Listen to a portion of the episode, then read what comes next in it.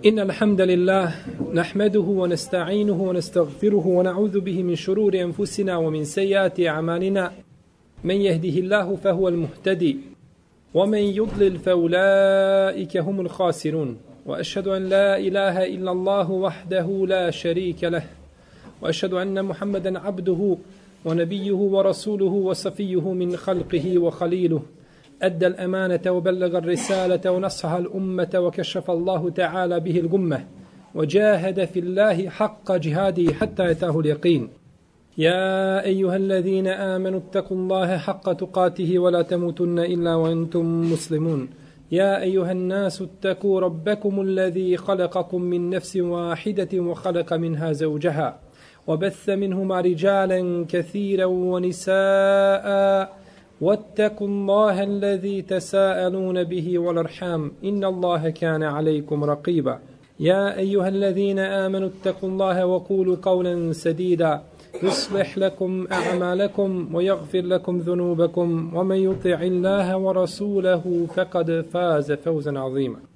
أما بعد فإن أحسن الكلام كلام الله وخير الهدي هدي محمد صلى الله عليه وسلم وشر الأمور محدثاتها. وكل محدثة بدعة وكل بدعة ضلالة وكل ضلالة في النار Pričati o istoriji islamskih učenjaka i o njihovoj biografiji draže mi je nego mnogo fikha. Kazao je poznati islamski učenjak i pravnik i osnivač jedne od utemeljenih pravnih škola Ebu Hanifete, rahimehullahu ta'ala. Po imamu Ebu Hanifi govoriti o siri islamskih učenjaka i o siri islamskih pravnika, bilo da se radi o muhaddisima, bilo da se radi o mufessirima ili istoričarima, draže mu je nego govoriti o mnogo stvari koje se tiču samog fikha.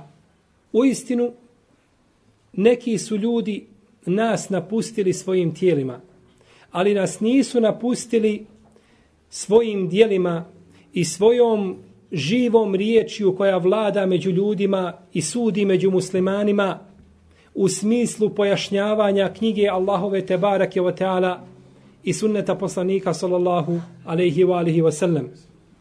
Mi smo u prethodnim našim predavanjima govorili o imamima četiri mezheba ili četiri priznate pravne škole kod ehlu sunneta ol džemata i danas je sa nama na redu treći od njih Muhammed ibn Idris ibn Abbas ibn Uthman ibn Shafi' ibn Saib ibn Ubejd ibn Abdi Jezid ibn Hashim ibn Mutalib, ibn Abdi Menaf ibn Kusaj ibn Ghalib Eš-Shafi'i poznat kao imam Eš-Shafi'i ovaj imam i pravnik i muhaddis rođen je 150. hijđretske godine u mjestu koje se zove Gazza u današnjoj Palestini po najjačem mišljenju islamskih učenjaka. Iako ima brojni drugi mišljenja, no međutim ovo preferira izrazi ta većina istoričara koji govore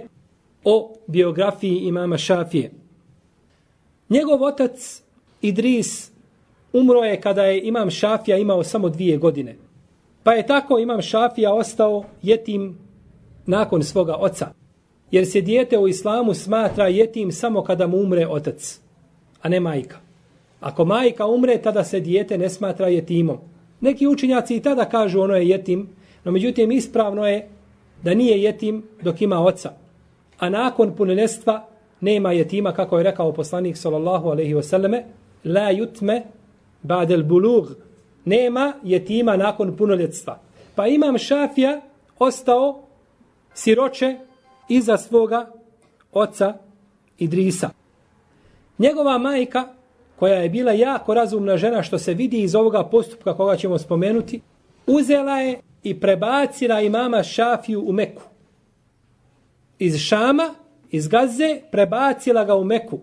Da živi i da odrasta u hladu Kabe u hladu Kur'ana i vjerodostojnih hadisa poslanika sallallahu alejhi ve selleme stičući znanje na koljenima na koljenima tadašnjih poznatih šejhova i profesora koji su poučavali ljude u Mekanskom haremu.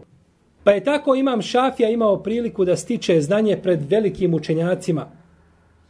Od njih su najpoznatiji Muslim ibn Khalid Zenđi, potom Sufjan ibn Ujejne, potom Fudail ibn Iyad i brojni drugi. Pred njima je ima Muslim sticao svoje prvo znanje. Kaže Ibn Abdil Hakem, kada je Šafijina majka zatrudnjela, usnila je u snu da je rodila jednu zvijezdu. Da je jedna zvijezda izišla iz njene maternice. Pa je pala u Egipat i potom se raspukla i na svaki dio zemaljske kugle ili tada poznatog islamskog svijeta je kaže pala po jedna iskra ili jedan komad te, te zvijezde. Pa su to protumačili, tumači snova, da se radi o rađanju jedne velike osobe i da će roditi učenjaka velikog, od koga će najveće koristi imati Egipat, a nakon toga da će se njegovo znanje raširiti i po ostalim dijelovima zemaljske kugle. I ovo je priču zabilježio Imam el-Khatib al-Bagdadi u svome dijelu Et Tarih ili Tarihu Bagdad, povijest Bagdada u drugom tomu, na 58. i 59. stranici. Kaže Imam Šafija, rahimehullahu ta'ala o sebi, naučio sam Kur'an kada sam imao sedam godina. Sa sedam godina sam naučio Kur'an. I to je bio put uleme i tako se dolazi do alima. Kada je dijete malo uči, a kada je veliko i kada se njegova razboritost poveća, onda svati ono što je naučio i tako postaje učenjak. A kaže, naučio sam mu etu i mama Malika na pamet kada sam imao deset godina. I naučio sam je, kaže, za devet večeri. Za devet večeri sam, kaže, naučio i za devet dana sam naučio mu etu mama Malika. Tadašnje najpoznatije hadijsko dijelo koje je bilo u njegovo vrijeme. Kaže, imam šafija za muvetu, kaže, ne znam pod nebeskim svodom da ima knjiga ispravnija od muvete. I zaista, ovo što rekao imam šafija, istinu je kazao. Nema pod nebeskim svodom ispravnijeg hadijskog dijela od muvete imama Malika, no međutim, ove riječi vrijede za vrijeme imama šafije. Jer tada nisu bili napisani ni Buhari, ni muslimov sahih.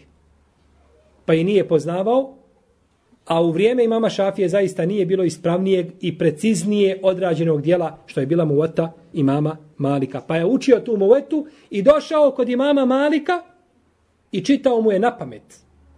Pa kaže, pa sam se stidio da govorim i da pričam pred drugima koji su prisutni.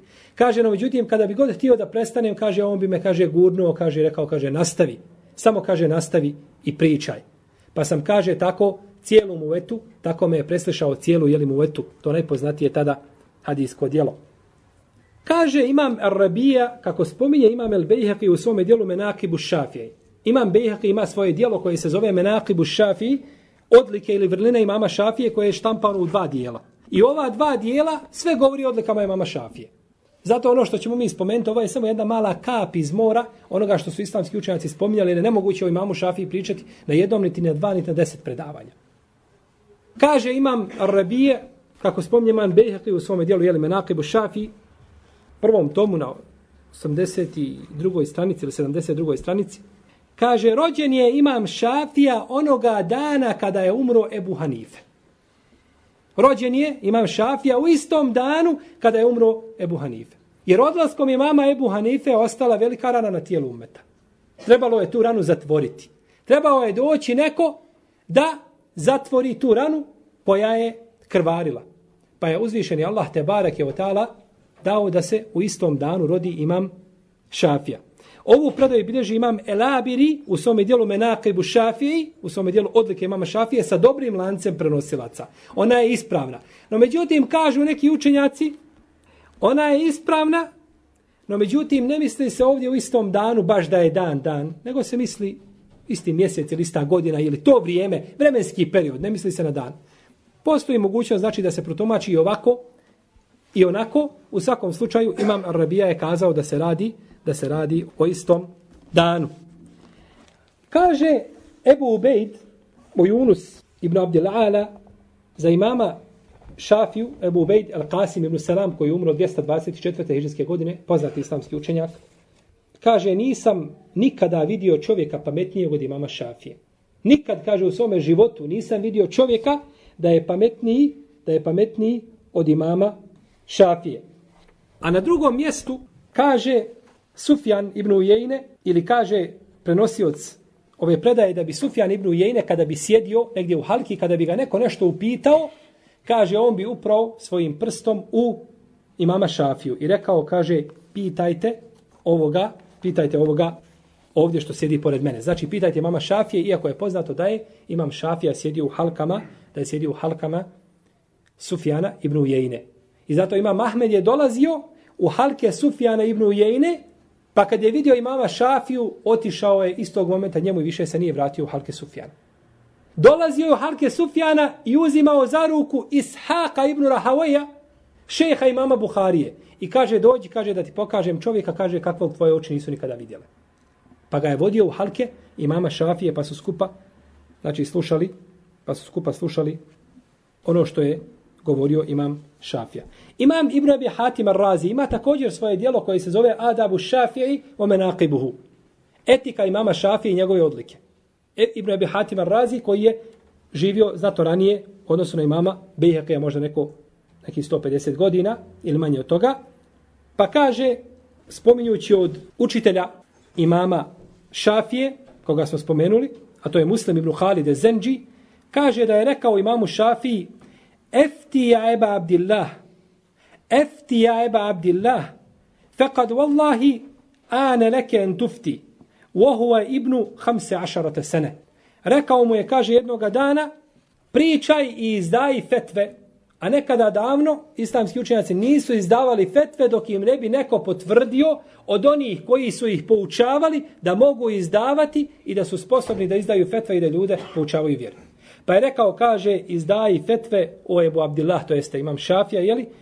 Tako mi je Allaha, došlo je vrijeme da ti izdaješ fetve. A kaže se da je tada imao samo 15 godina. Jeli spominje svoj predaj da je tada imam šafija imao samo 15 godina.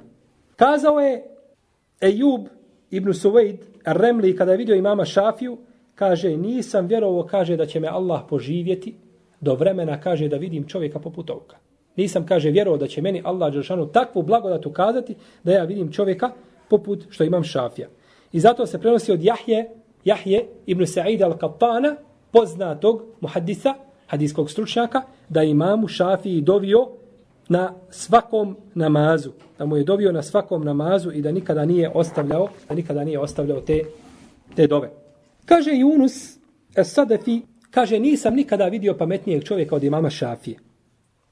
Jednog smo se, kaže, dana raspravljali oko nekog pitanja, kaže, pa smo se razišli. Pa je, kaže, nakon toga došao i uzeo me za ruku i rekao, o Ebu Muhammede, zar ne možemo biti braća iako se ne slažemo u jednom pitanju? Zar ne možemo ja i ti biti braća i za nas neće vezati bratstvo Islama iako se nismo složili u jednom pitanju?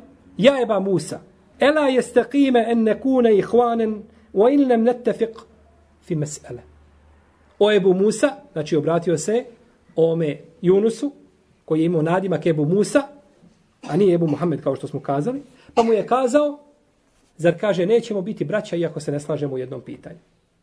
Šta mislite da muslimani danas prihvate ovo što je kazao imam Šafija? Ovu mudru izreku. Da kažu, bit ćemo muslimani iako se nismo složili u nekom pitanju. Različili smo se različiti mezhebi, različita pogledi, različita svatanja različit pristup argumentima, različito razumijevanje i brojni drugi faktori koji utječu da dođe do razilaženja među muslimanima. Kako među običnim svijetom i masama, tako među učinjacima. Da prihvate ovaj princip koga je postavio Imam Šafija. Došao i uzeo njega za ruku i kaže, zar nećemo biti braća, iako se ne slažemo po nekom pitanju. Kaže Temim ibn Abdillah, čuo sam Suvejda ibn Sa'ida da je rekao, Bio sam, kaže, kod Sufjana ibn Ujejne u Halki. Pa je došao imam Šafija, poselamio nas i sjeo. Pa je Sufjan ibn Ujejne kazao ili prenio jedan hadis od poslanika, sallallahu alaihi wasallam. Pa kada je čuo imam Šafija taj hadis, on je svijestio se. Pa su kazali Sufjanu, umro je Muhammed ibn Idris. kaže ako je umro Muhammed ibn Idris, onda je umro najbolji čovjek ovoga vremena. Po čijem svjedočenju? Sufjana ibn Ujejne. Za koga imam mali kazao da nije bilo Sufjana ibn Ujejne, u Hidžazu ne bi bilo znanja. Ošlo bi znanje iz Hidžaza. Ne bi se znalo za Hidžaz.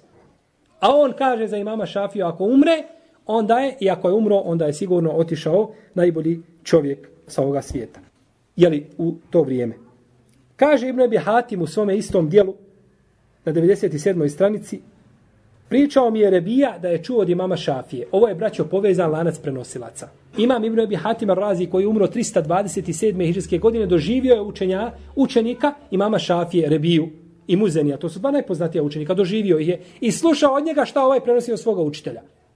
Kaže, rekao je imam Šafija, čitanje hadisa je bolje nego dobrovoljni namaz. Isticanje znanja je bolje nego dobrovoljni namaz. Ovo je poznato imama Šafije i učenjaka šafijske pravne škole, u čemu je podrobno govorio imam Eneovi u svome dijelu Međmu'a. I dokazao nepobitno da je sticanje znanja i učenje hadisa bolje znači od samih dobrovoljnih ibadeta. A na 184. stranici u istom dijelu kaže, rečeno je imamu Šafiji da je kazao Elejs ibn Sad. Imam koji je živio u vrijeme imama Malika ili malo prije Šafije, živio je u Egiptu, poznati pravnik koji imao svoj mezheb, koji nije danas sačuvan kao drugi mezhebi. Rekao je, ovaj Elejs ibn Sad, kaže, ja kada bih vidio čovjeka koji slijedi svoje strasti, da hoda po vodi, ja to ne bih prihvatio od njega. Kaže, imam šafija, kasar, kaže, uskratio je pravo koje je trebao kazati. I nije kazao ono što je trebao reći. Kaže, ja kada bi ga vidio da hoda po vazduhu, ne bi prihvatio od njega. Čovjek koji ne snedi Kur'an i sunnet, hoda po vodi ili hoda leti po vazduhu. Kažu islamski učenjaci, stavi njegova dijela na vagu Kur'ana i sunneta, pa ćeš vidjeti koje i šta je. Stavi, znači, njegova dijela na najprecizniju vagu, pa ćeš vidjeti njegov hal i vidjet ćeš njegovo stanje. Imam Šafija je često govorio, mi fakihi smo ljekari. A vi, muhaddisi, ste farmaceuti. Iako ova riječ zahtjeva, ili ova izraz zahtjeva da se zaista pojasni. Jer se često pogrešno razumijeva. Jer ne može čovjek biti fakih ako nije muhaddis. Niti može biti obratno. Pa sto dvije grane znači koje se vežu jedna za drugu i u stvari vraćaju se na isti izvor. No međutim, tako su govorili budući da čovjek ima jedno opredeljenje ili jedan smjer u kome je znači napredovao više nego u drugim oblastima, pa se kaže da su fakihi ljekari, a da su muhaddisi, da su farmaceuti. Kada je to čuo Imam Ahmed, kazao je Kjane l-fukahau atiba wal muhaddithune sajadile. Feđaje Muhammed ibn Idris tabiben sajdelanija. Kaže, fakihi su bili lekari, a muhaddisi su bili farmaceuti. Pa je došao Muhammed ibn Idris Šafij, koji je bio liječnik farmaceut. Pa je došao, znači, ispojio, ispojio te oba dvije grane. I ovo je predaj zabilježio Imam Ibn Asakir u svojoj povijesti, u povijesti, znači, grada Dimeška. Imam Šafija ima brojne svoje izreke koje ukazuju na njegov insaf i na njegovu pravednost. I na to da nije nikoga obavezivao da ga slije posledi, niti da njega smatra nepogrešivim. I tako su govorili svi učenjaci, počevši, počevši od osnivača ovih pravnih škola pa nadalje. Ja ću ovom prilikom samo spomenuti neke od tih izreka. Kaže imam šafija, sve što kažem, a vi nađete suprotno kod poslanika, sallallahu alaihi wasallame, od vjerodostojnih izreka, misli se od vjerodostojnih hadisa, one su preče i nemojte mene slijepo slijediti. Kullu ma kultuhu fekjane min Rasulillahi sallallahu alaihi wasallame hilafe qavli mimma saha fehuve eula wala tukalliduni. Dajte prednost hadisima, a ne mojim riječima. Pa je ovo ujedno odgovor svim učenjacima, kako šafijskim, tako i drugima, koji slijepo slede svoga imama, da je ta imam kazao, nemojte me slijepo slijediti. Nego ako nađete nešto u sunnetu poslanika, sallallahu alaihi sallam, da je suprotno onome što sam kazao, sledite sunnet, a ostavite moje riječi. I kazao je dalje imam šafija, ako nađete u mojim knjigama nešto što se kosi za sunnetom poslanika, sallallahu alaihi selleme, ostavite ono što sam kazao. Jednostavna stvar. Ja sam rekao, ako sam pogrešio, ostavite to. I ovo je predaj zabilježio imam El-Beheki ibn Asakir. I kaže, Meta ravojtu an Rasulillahi sallallahu alaihi wa sallame hadithan sahihan, volem ahud bihi, fe ušhidukum enne akli kad zaheb. Kad vam god kaže prenesem vjerodostojan hadis od poslanika sallallahu alejhi ve selleme, pa ne uzmem taj hadis i ne prihvatim taj hadis kao dokaz i ne budem radio i postupao po njemu, kaže ja vam svjedočim da sam izgubio pamet. Ja vam svjedočim da sam izgubio pamet. Zato kad mu je jedan čovjek došao, kako bili živa Melbejheka i drugi, ok imamu, poslanik sallallahu alejhi ve selleme rekao tako i tako. Šta ti kaže, kažeš? Pa se je naljutio i pocrvenio i sam se zajapurio i kaže, subhanallah, Kaže Allahov poslanik nešto rekao i ti mene pita šta ja kažem. Zar ja kaže mogu drugačije kazati od onoga što je rekao Allahov poslanik sallallahu alejhi ve sellem. Jesi li me kaže vidio da sam izišao iz crkve i da sam se zunarom opasao? Kažeš mi hadis od poslanika i pitaš me kako je moje mišljenje. Imam li ja pravo izbora? I neka se Allah te barak tela smiluje imamo je subkiju koji je rekao imami su zarobljenici u ruci šarijata. A nije šarijat zarobljenik kod imama. No međutim, ljudi učine da su imami osnova i da širijet sledi imame, a ne da imami slede šerijat. A to vidimo iz izreka ovih imama i ovih islamskih učenjaka. U drugoj predaj kaže i da sahal hadithu fehuve mezhebi, o ida saha al hadisu fadribu bi qavli l'haid. Kad dođe vjerodostojan hadis, to je moj mezheb, to je moj put, nemam izbora. I kada dođe vam vjerodostojan hadis, a ja kazao drugačije, sa mojim mišljenjem udarite u zid. Znači nema moje mišljenje tada nikakve vrijednosti jer se kosi sa sunnetom poslanika sallallahu alaihi wa alihi wa sallam. Bilježi imam Ebu Davud u svome sunenu, imam El Hakim u svome mustedreku, sa lancem prenosilaca za koga Hafiz ibn Hajar u svome dijelu et sis kaže da je dobar.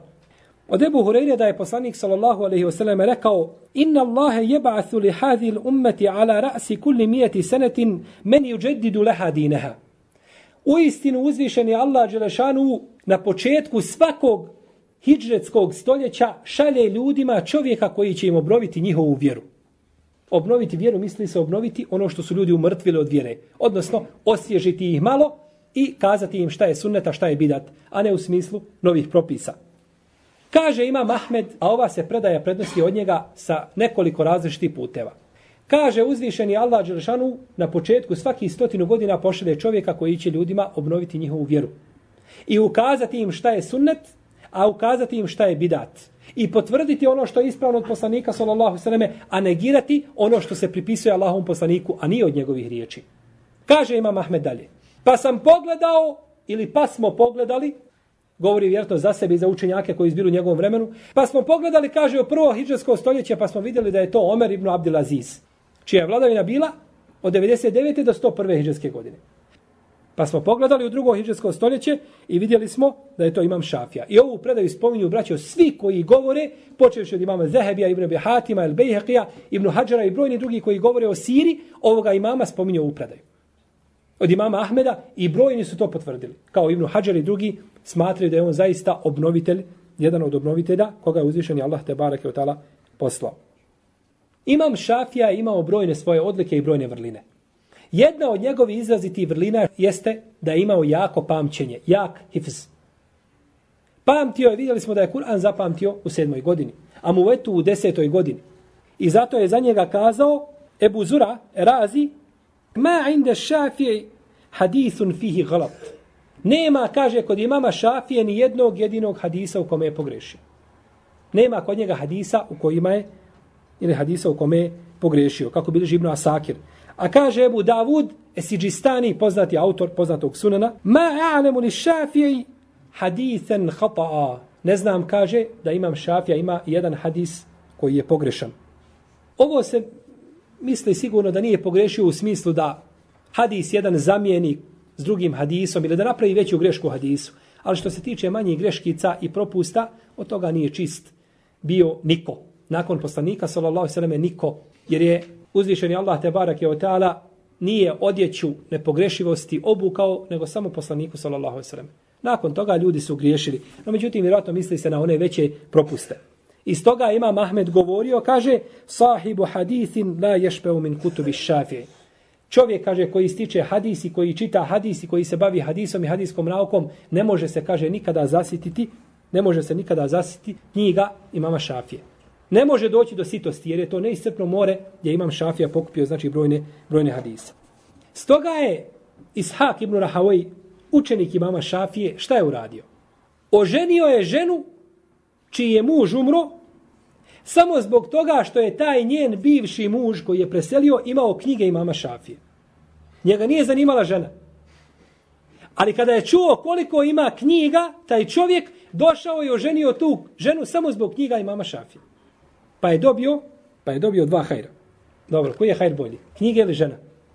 Žena. Eto. U svakom slučaju, zavisi iz kog se aspekta posmatra. Ako se knjige posmatraju s aspekta da su dunjalučka stvar, onda je žena bolja. Jer poslanik sallallahu sallam kaže u hadisu koga bilježi ima muslim, et dunja meta' o hajru meta'i dunja e zeuđetu saliha. Dunjaluk je sav prolazan i prolazne ljepote i naslađivanja. A najbolje od tih prolaznih ljepota ili najbolja od njih je dobra žena. No međutim, Allah najbolje zna da su knjige prije ahiretska nego dunjaluška stvar. U svakom slučaju, on se oženio znači i dobio je tako knjige imama mama Šafije, rahimehullahu ta'ala. Imam Šafija je, braćo moje cijenjene sestre, bio imam ne samo u islamskom pravu, fikhu, niti u islamskoj jurisprudenciji, u sulul fikhu, niti u tefsiru, niti bio je u brojnim drugim disciplinama. Nije bilo discipline islamske, a da u njoj nije bio imam. Kaže se za tefsir, kada bi tefsirio nešto, kao da je prisustvovao spuštanju objave. Kada govori, kada tefsiri, kaže se, govorio je kao da je prisustvovao spuštanju objave, kako kaže Yunus ibn Abdel Eala, a to je bio njegov suvremenik, živio je znači skupa sa njim. I bio je čovjek najrječitiji Arap u to vrijeme. Nije bilo rječitijeg Arapa od imama Šafija. Kažu neki njegovi učenici da je imam Šafija kojim slučajem pisao knjige onim riječnikom kojim nam se obraćao, kaže ništa ne bismo razumjeli. Morali bi imati tumača da nam neko tumači knjige imama Šafija. No međutim, on je svoje knjige uvijek pisao jednim lakšim stilom da ga mogu razumjeti i učeni i da ga mogu razumijevati također obične, obične mase.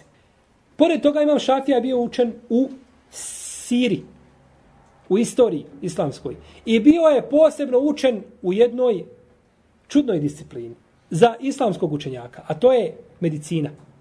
Posebno je bio učen u medicini i govorio je la a'lamu ilman ba'da al-halali wal-harami enjele mine tibi illa enne al-kitabi galebuna alej. Ne znam, kaže, nakon halala i harama, vrijednije nauke od medicine. Jedino kaže što su nas u tome pretekli židovi kršćani. U čije vrijeme? Vrijeme imama? Šafije. Kaže, ne znam nauke nakon halala i harama. Šta je halal i haram? Islam i din. Jer je islam građen od halala i od harama, a između toga je mubah. Ne znam, kaže, nakon, znači, islamski nauka, vrijednije nauke od, od islama. Jedino što su na židovi kršćali, pretekli u tome. A u drugoj predaj, kaže Harmele, kaže, imam šafija, bi dugo, kaže, grdio muslimane zbog toga što su ostavili ovaj medicinu, medicinske nauke. Dugo bi, kaže, pričao o tome pogrdno i kaže, onda bi kazao, da je u thuluthel ilmi u vakjeluhu ila lijehudi on nesara. Kaže, trećinu znanja su prokockali i izgubili i prepustili to židovima i kršćanima. Trećinu znanja. Ovo je jedna trećina. Koje su prve dvije? Halal i haram. Kao što smo Prva je halal i haram i treća je ostala medicina. Jer zaista nakon islama nema vrijednije nauke od čovjeka, dunjalu ovdje da bude, od toga da bude, jeli, obrazovan u medicini. Pa je znači one prve dvije muslimani su sačuvali nekako, ali su ovu treću izgubili i kaže to su prepustali židovima i kršćanima. Još u njegovo, u njegovo vrijeme. Pa sigurno tragovi se toga osjećaju i danas u našem vremenu. Ima Mahmed, kada bi došao do nekog šerijatskog pitanja, po kome nije imao validan argument iz Kur'ana ili iz sunneta, uzimao bi mišljenje imama Šafije. Pazite, imam Ahmed dođe do pitanja gdje mu nije jasno po pitanju argumenata ili su nejasni, ili su slabi, ili su nedefinisani. I odmah tu kaže, ja kažem onako kako je rekao imam Šafija. Zbog čega? Kaže imam Ahmed, zato kaže što je on imam Kurejšija. Da on zato što on imam koji potiče od Kurejša. A kaže, prenosi se od poslanika, sallallahu alaihi wasallam, da je rekao, alimu kurejšin jemleul arda ilma. Jedan učenjak od kurejšija ispunit će zemlju znanjem. Pa je imam Ahmed smatrao da je to ko? Imam šafi. Učenjak od kurejša jedan ispunit će, kaže Dunjaluk, znanjem. Pa imam Ahmed nije vidio učenije kurejšije, ne računajući li na ashabe i tabine sigurno, nakon imama šafije. Pa je to protumačio, znači da se to odnosi na imama šafiju. I kaže, zato već 40 godina nisam prestao dobiti imamu šafiju namazu. Ovo je kazao pred kraj svoga života i sigurno 40 godina je možda precizno kazano sporna riječ, jer imam šafija umro 204. a on je umro 241. Pa između njih nije bilo 40 godina, ali je mislio znači možda četvrtu deceniju života u kojoj je već ušao da mu dovi da mu dovi da mu ne ostavlja da mu ne ostavlja znači dove. Što se tiče hadisa koga smo spomenuli, njega bili živno je bio Asim u Sunenu i našao sam ga kod imama Tajalisija u njegovom musnedu.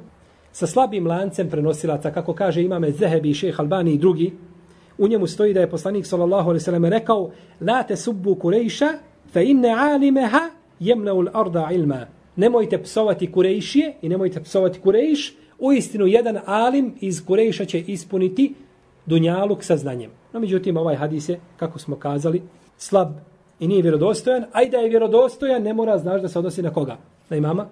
Šafiju. Ne mora znaš jer to bi bilo možda pretjerivanje. Možemo kazati postoji mogućnost ili velika vjerovatnoća može biti, ali da se kaže kategorički da se tvrdi da se odnosi na imama Šafiju, nema za to argumenta, budući da je od Kurejša bilo u prvim i poznijim generacijama sigurno učenjaka i učenih ljudi. Imam Zehebi je zabilježio u Sijeru u desetom tomu jednu priču koja se navodi od imama Šafije, koju spominju učenjaci imama Šafije, El Muzeni i El Rebije. To su dva najpoznatija učenika imama Šafije. Kaže u njoj kažu njoj ova dva učenika, došao je jednog dana jedan šejh, star čovjek, u odjeći koja je bila od vune, pa sjeo pored imama Šafije, poselamio ga i rekao mu, mogu li te pitati?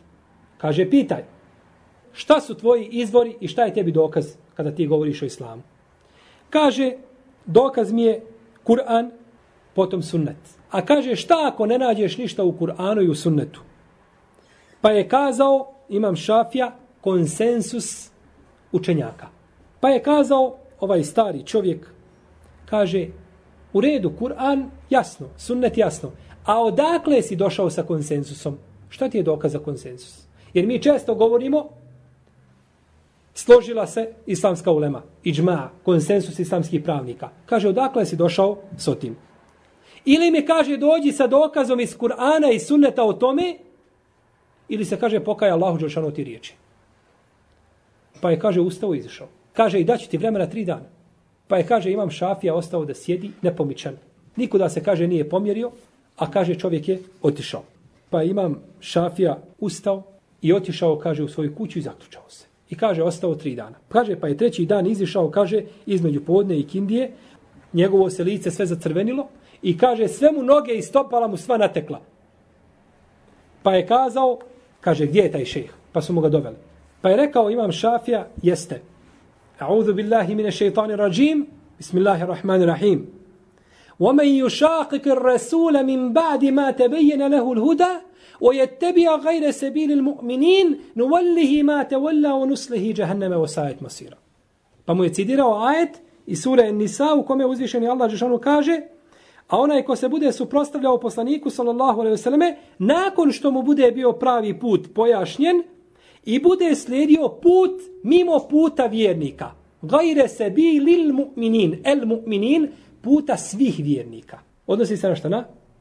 Konsensus cijeli, kad se slože, znači vjernici, jeli, na nečemu, ne mora znaći ovdje da se misli samo na vjernike. Jer vjernici se mogu složiti na nečemu, mislim, na obične mase. Da je rašireno nešto među ljudima, da je nešto pogrešno. Međutim, misli se prvenstveno na učenjake, jer oni su ti koji se slažu na nečemu i kaže bude sledio put mimo puta vjernika, nakon toga mu se prijeti jel, kaznom. Pa mu kaže ovaj čovjek, kaže, istinu si rekao. Istinu si, kaže, rekao i došao si mi sa argumentom. Kaže, imam šafija nakon toga, otišao sam, kaže, u kuću i svaki sam dan, kaže, po tri puta učio Kur'an, dok nisam se, kaže, zaustavio kod ovoga ajeta. Svaki dan po tri puta sam, kaže, proučio Kur'an, dok nisam, kaže, stao kod ovoga ajeta i, kaže, vidio da je on, kaže, argument za to. Da je on argument znači za konsensus islamski, islamski učenjaka. I to većina pravnika danas koristi kao dokaz o konsensusu. Ovaj jeli ajet i hadis poslanika sallallahu alejhi ve u kome se kaže neće se moj umet složiti na dalaretu koga bilježi imam Ebu Jala koji ima mahanu u svom lancu prenosilaca, no međutim islamski učenjaci složen da je to poznato i ispravno fiksko pravilo. Kaže imam šafija za sebe, nisam se, kaže, nikada zakleo ni istinito, ni neistinito. Bilo da govorim istinu ili neistinu, nikada se nisam zakleo Allahom Đelešanu. I nisam, kaže, nikada slagao i nisam nikada ostavio kupanje petkom za džumu. Jer je to sunnet poslanika sallallahu alejhi ve Jedan dio pravnika to smatra vađib i postoje jake argumenti za to mišljenje. I kaže već 16 godina se nisam nikada prejeo. Osim kaže jedan put istog sam kaže momenta stavio ruku u usta i kaže sve sam to povratio. 16 godina se kaže nikada nisam prejeo, osim jedan put kaže pa sam se odmah toga riješio. Imam šafija, ima brojne svoje odlike i brojne svoje vrline i brojne svoje izreke kod koji zaista treba zastati o kojima treba razmisliti. No međutim, ovdje je neophodno spomenuti jednu izreku koju nije kazao niko prije imama Šafije, nije zapamćeno, niti je kazao iko nakon imama Šafije. Zaista izreka koja zlata vrijedi i koja može nama samo povećati ono od jekina, ono što smo spomenuli na početku predavanja. A to je da muslimani moraju znači imati među sobom toleranciju kada se raziđu. Ovdje kaže imam Šafija, nisam nikada raspravljao sa nekim pa da sam poželio da on pogreši. Pazite, u raspravama je neminovno da čovjek kada dođe, da hoće da dokaže svoje mišljenje, da ga izdigne i da pogazi mišljenje drugog ili da obori njegove argumente. A imam šafija kaže, ja nisam nikad, kaže, poželio da on pogriši. I uvijek sam, kaže, htio da istina iziđe sa njegovog jezika, ne sa moga. A u drugoj predaji kaže, Tako mi Allaha kaže, volio bi da ovo znanje koje nosim u svome srcu, da ga imaju svi muslimani i da se kaže od tog znanja meni ne pripiše jedan jedini harf. Nego da svako zna ono što ja znam i da se nikad ne upire sa prstom u mene, imam šafija, zna i to i to, a drugi ljudi ne znaju. Pa je postavio ovdje jedan temelj za raspravu. Kada postaje rasprave među islamskim učenjacima koji se često vode, postaju je temelj da čovjek hoće istinu i da hoće da dođe do haka. I zato imam Šafija govorio, kako se navodi u četvrtom rivajetu od njega, kaže, nisam, kaže, nikoga, nikada nisam ni sa kim raspravljao, a da nisam iz toga htio njemu nasihat. Ma nazartu ahaden ila ala nasiha. Nisam nikad ni sa kim raspravljao, a da nisam iz toga želio samo njemu nasihat. Kaže Ibn Abdul Hakem, zato je uzvišeni Allah te barak tala, draga moja braćo i cijenjene sestre, dao imamu Šafi ovakvu razboritost i da bude uvijek njegova riječ govornja. Jer onaj ko žudi, zatim Allah mu to neće dati. Ali onaj ko to ne želi i ovakvu iskrenost to Allah Đelšanu daje. Pa kaže Ibn Abdel Hakem, nisam, kaže, nikada vidio imama Šafiju da je raspravljao sa, nje, sa nekim, a da se nisam sažaljao nad njim. Dok se imam Šafija raspravlja sa njim, odmah se kaže moraš sažaljavati nad tim, nad tim čovjekom. I kaže da vidiš imama Šafiju da se raspravlja s tobom, kaže, pomislio bi ovdje, kaže, u prenesenom značenju, da je, kaže, divljač koja te hoće raskomadati kad dođe kakvim argumentima dolazi i kako se raspravlja i kakve dokaze nosi sa svojim mišljenjima, kaže pomisliš da je divljač koja te hoće raskomadati da neće od tebe ništa ostati. I kaže on nas je naučio kako da koristimo argumente. On nas je naučio kako da koristimo Kur'an i kako da koristimo sunnet. I ovo je predaj zabilježio od Ibnu Abdel Hakema, Ibnu Asakir u svom djelu Tarihu Dimeško. Kaže imam šafija jedne prilike da se je požalio svome učitelju Vakiji što slabo pamti. Pa kaže, u stihu šekeutu ila vaki'in su'e hifzi fa arshadani ila terkil maasi wa akhbarani bi anna al-ilma nurun wa nuru Allahi la yuhda lil asi kaže požalio sam se veki iako neki kažu da nije sreo vekiju postoji spor među istoričarima Poželio sam se kaže veki kako imam loše pamćenje pa mi je kazao kaže kloni se griješenja Kloni se, kaže, griješenja, jer je znanje svjetlo, a Allah ne da svoje svjetlo griješniku. Jer je znanje svjetlo, a Allah ne da te barak je otala svoje svjetlo griješniku. Jednoga dana razbolio se imam Ahmed, koji je bio učenik imama Šafija. Pa mu je došao da ga obiđe njegov učitelj imam Šafija. Imam Ahmed nije mogao ustati iz postelje. No međutim, kada imam Šafija ušao na vrata, trgnuo se i ustao iskočio i poljubio imama Šafiju u čelo. I sjeo pored njegovih nogu i pitao ga, poučavao se. Pa kad je imam Šafija nakon izvjesnog vremena ustao da iziđe, Ustao je i uzeo njegovu mazgu i vodio je i krčio put mazgi mama Šafije da prođe dok nije imam Šafija otišao. Pa kad je to čuo, Jahja ibn Ma'in, njegov suvremenik, suvremenik imama Ahmeda, kaže, čuo sam o Ebu Abdillah, kaže da si vodio mazgu imama Šafije i hodaš, kaže, pored mazgija imam Šafija Jaše. Kaže, jeste. Tako sam činio i vodio sam ga, kaže, sjed, vodio sam mazgu s jedne strane, da si ti, kaže, hodio sa druge strane, puno bi se, kaže, okoristio. I veliko bi korist dobio da se hodao s druge strane. Ko kaže, hoće fik, neka se drži, neka se drži imama Šafije.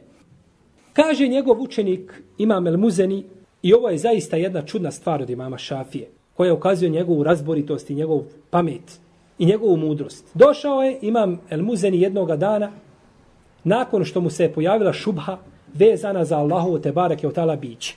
Kaže, rekao sam sam sebi, ovo mi ne može niko riješiti niti otkloniti osim imam šafija. Kaže, pa sam došao imamu šafiju i kazao mu i upitao ga nešto o Allahom te barake od tala. Kada sam ga upitao, kaže, imam šafija se razljutio i pocrvenio i rekao mi. Kaže, subhanallah, zar ne vidiš, kaže, ove zvijezde na nebesima i ova sazvježdja? Odakle su došla? Koliki ih je broj? Kako izgledaju? Kakva je njihova materija? Od čega su napravljene? Šta rade? Kakve su njihove uloge? Dosta toga ne znaš. Kaže, ne znaš nešto o onome što vidiš. Kako ćeš, kaže, onda znati nešto onome što ne vidiš? I što nikada nisi vidio i što nemaš puta i načina da vidiš. Kako ćeš znati o tome? Pa mu je proučio ajet u kome uzvišeni Allah te barak je o tala kaže Inne fi halqi samavati wal ard واختلاف الليل والنهار والفلك التي تجري في البحر بما ينفع الناس الآية آية سورة البكرة كما الله تبارك وتعالى كاجه u istinu je u stvaranju nebesa i zemlje i u smjeni dana i noći i u lađi koja po morskim površinama plovi i onome što ljudima koristi i tako dalje do kraja ajeta, tu su ajeti za razumom obdarene. Pa zbog čega da razmišljaš o Allahu te barak je otala, razmišljaj o Allahovim stvorenjima, pa ćeš tako doći do spoznaje svoga gospodara Azze ođele, odnosno do njegove snage i njegovog kudreta te barake otala. Pa mu je istog momenta, znači tu šubu koja mu se je pojavila, okrenuo u drugom smjeru. Nemoj trošiti svoju snagu u razmišljanju Allahu te barake otala i o tome nemaš ništa, samo možeš u kufur u nevjerstvo otići, već razmišljaj o Allahu im te barake taala stvorenjima. Imam šafija kao i drugi islamski učenjaci, nisu sačuvani fitneta i nereda. Snalazilo ih je svega na tome putu, na putu znači njihovog širenja vjere.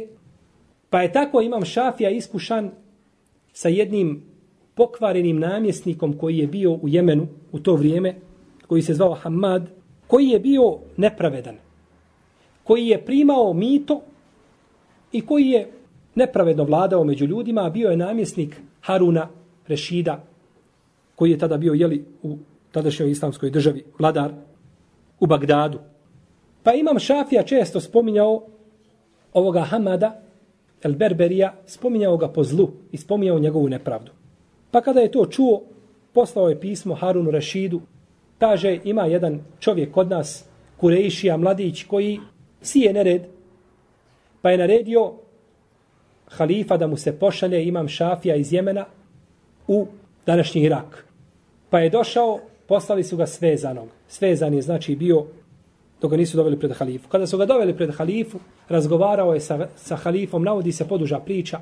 U svakom slučaju na kraju halifa Harun Rashid, poznat po svojoj pravednosti i iskrenosti, po svojoj vjeri, zaplakao je i vidio da imam šafija učen čovjek, da je pametan, dozvolio mu je da poučava ljude i da dalje znači da se bavi sa daom i nije mu sprečavao ono što je činio njegov namjesnik Hamad el Berberi.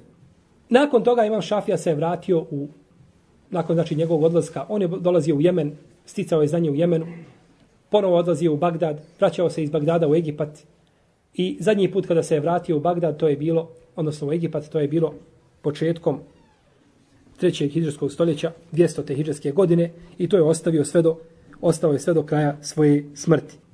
Umro je u Ređepu kada je imao 54 godine, znači relativno mlad, 204. hidžarske godine, one godine kada je rođen imam Ebu Dawud Etajalisi, poznati autor Musneda, koga smo spominjali, koji bilježi hadis, ovaj hadis o Alimu iz Kurejša, koga smo spomenuli, pa je izgleda uzvišeni Allah te barak tako htio da zatvori jednu prazninu koja je, znači, pojavila se odlaskom imama Šafije, htio je da je zatvori, znači, sa ovim islamskim učenjakom Ebu Daudom Etajalisijem.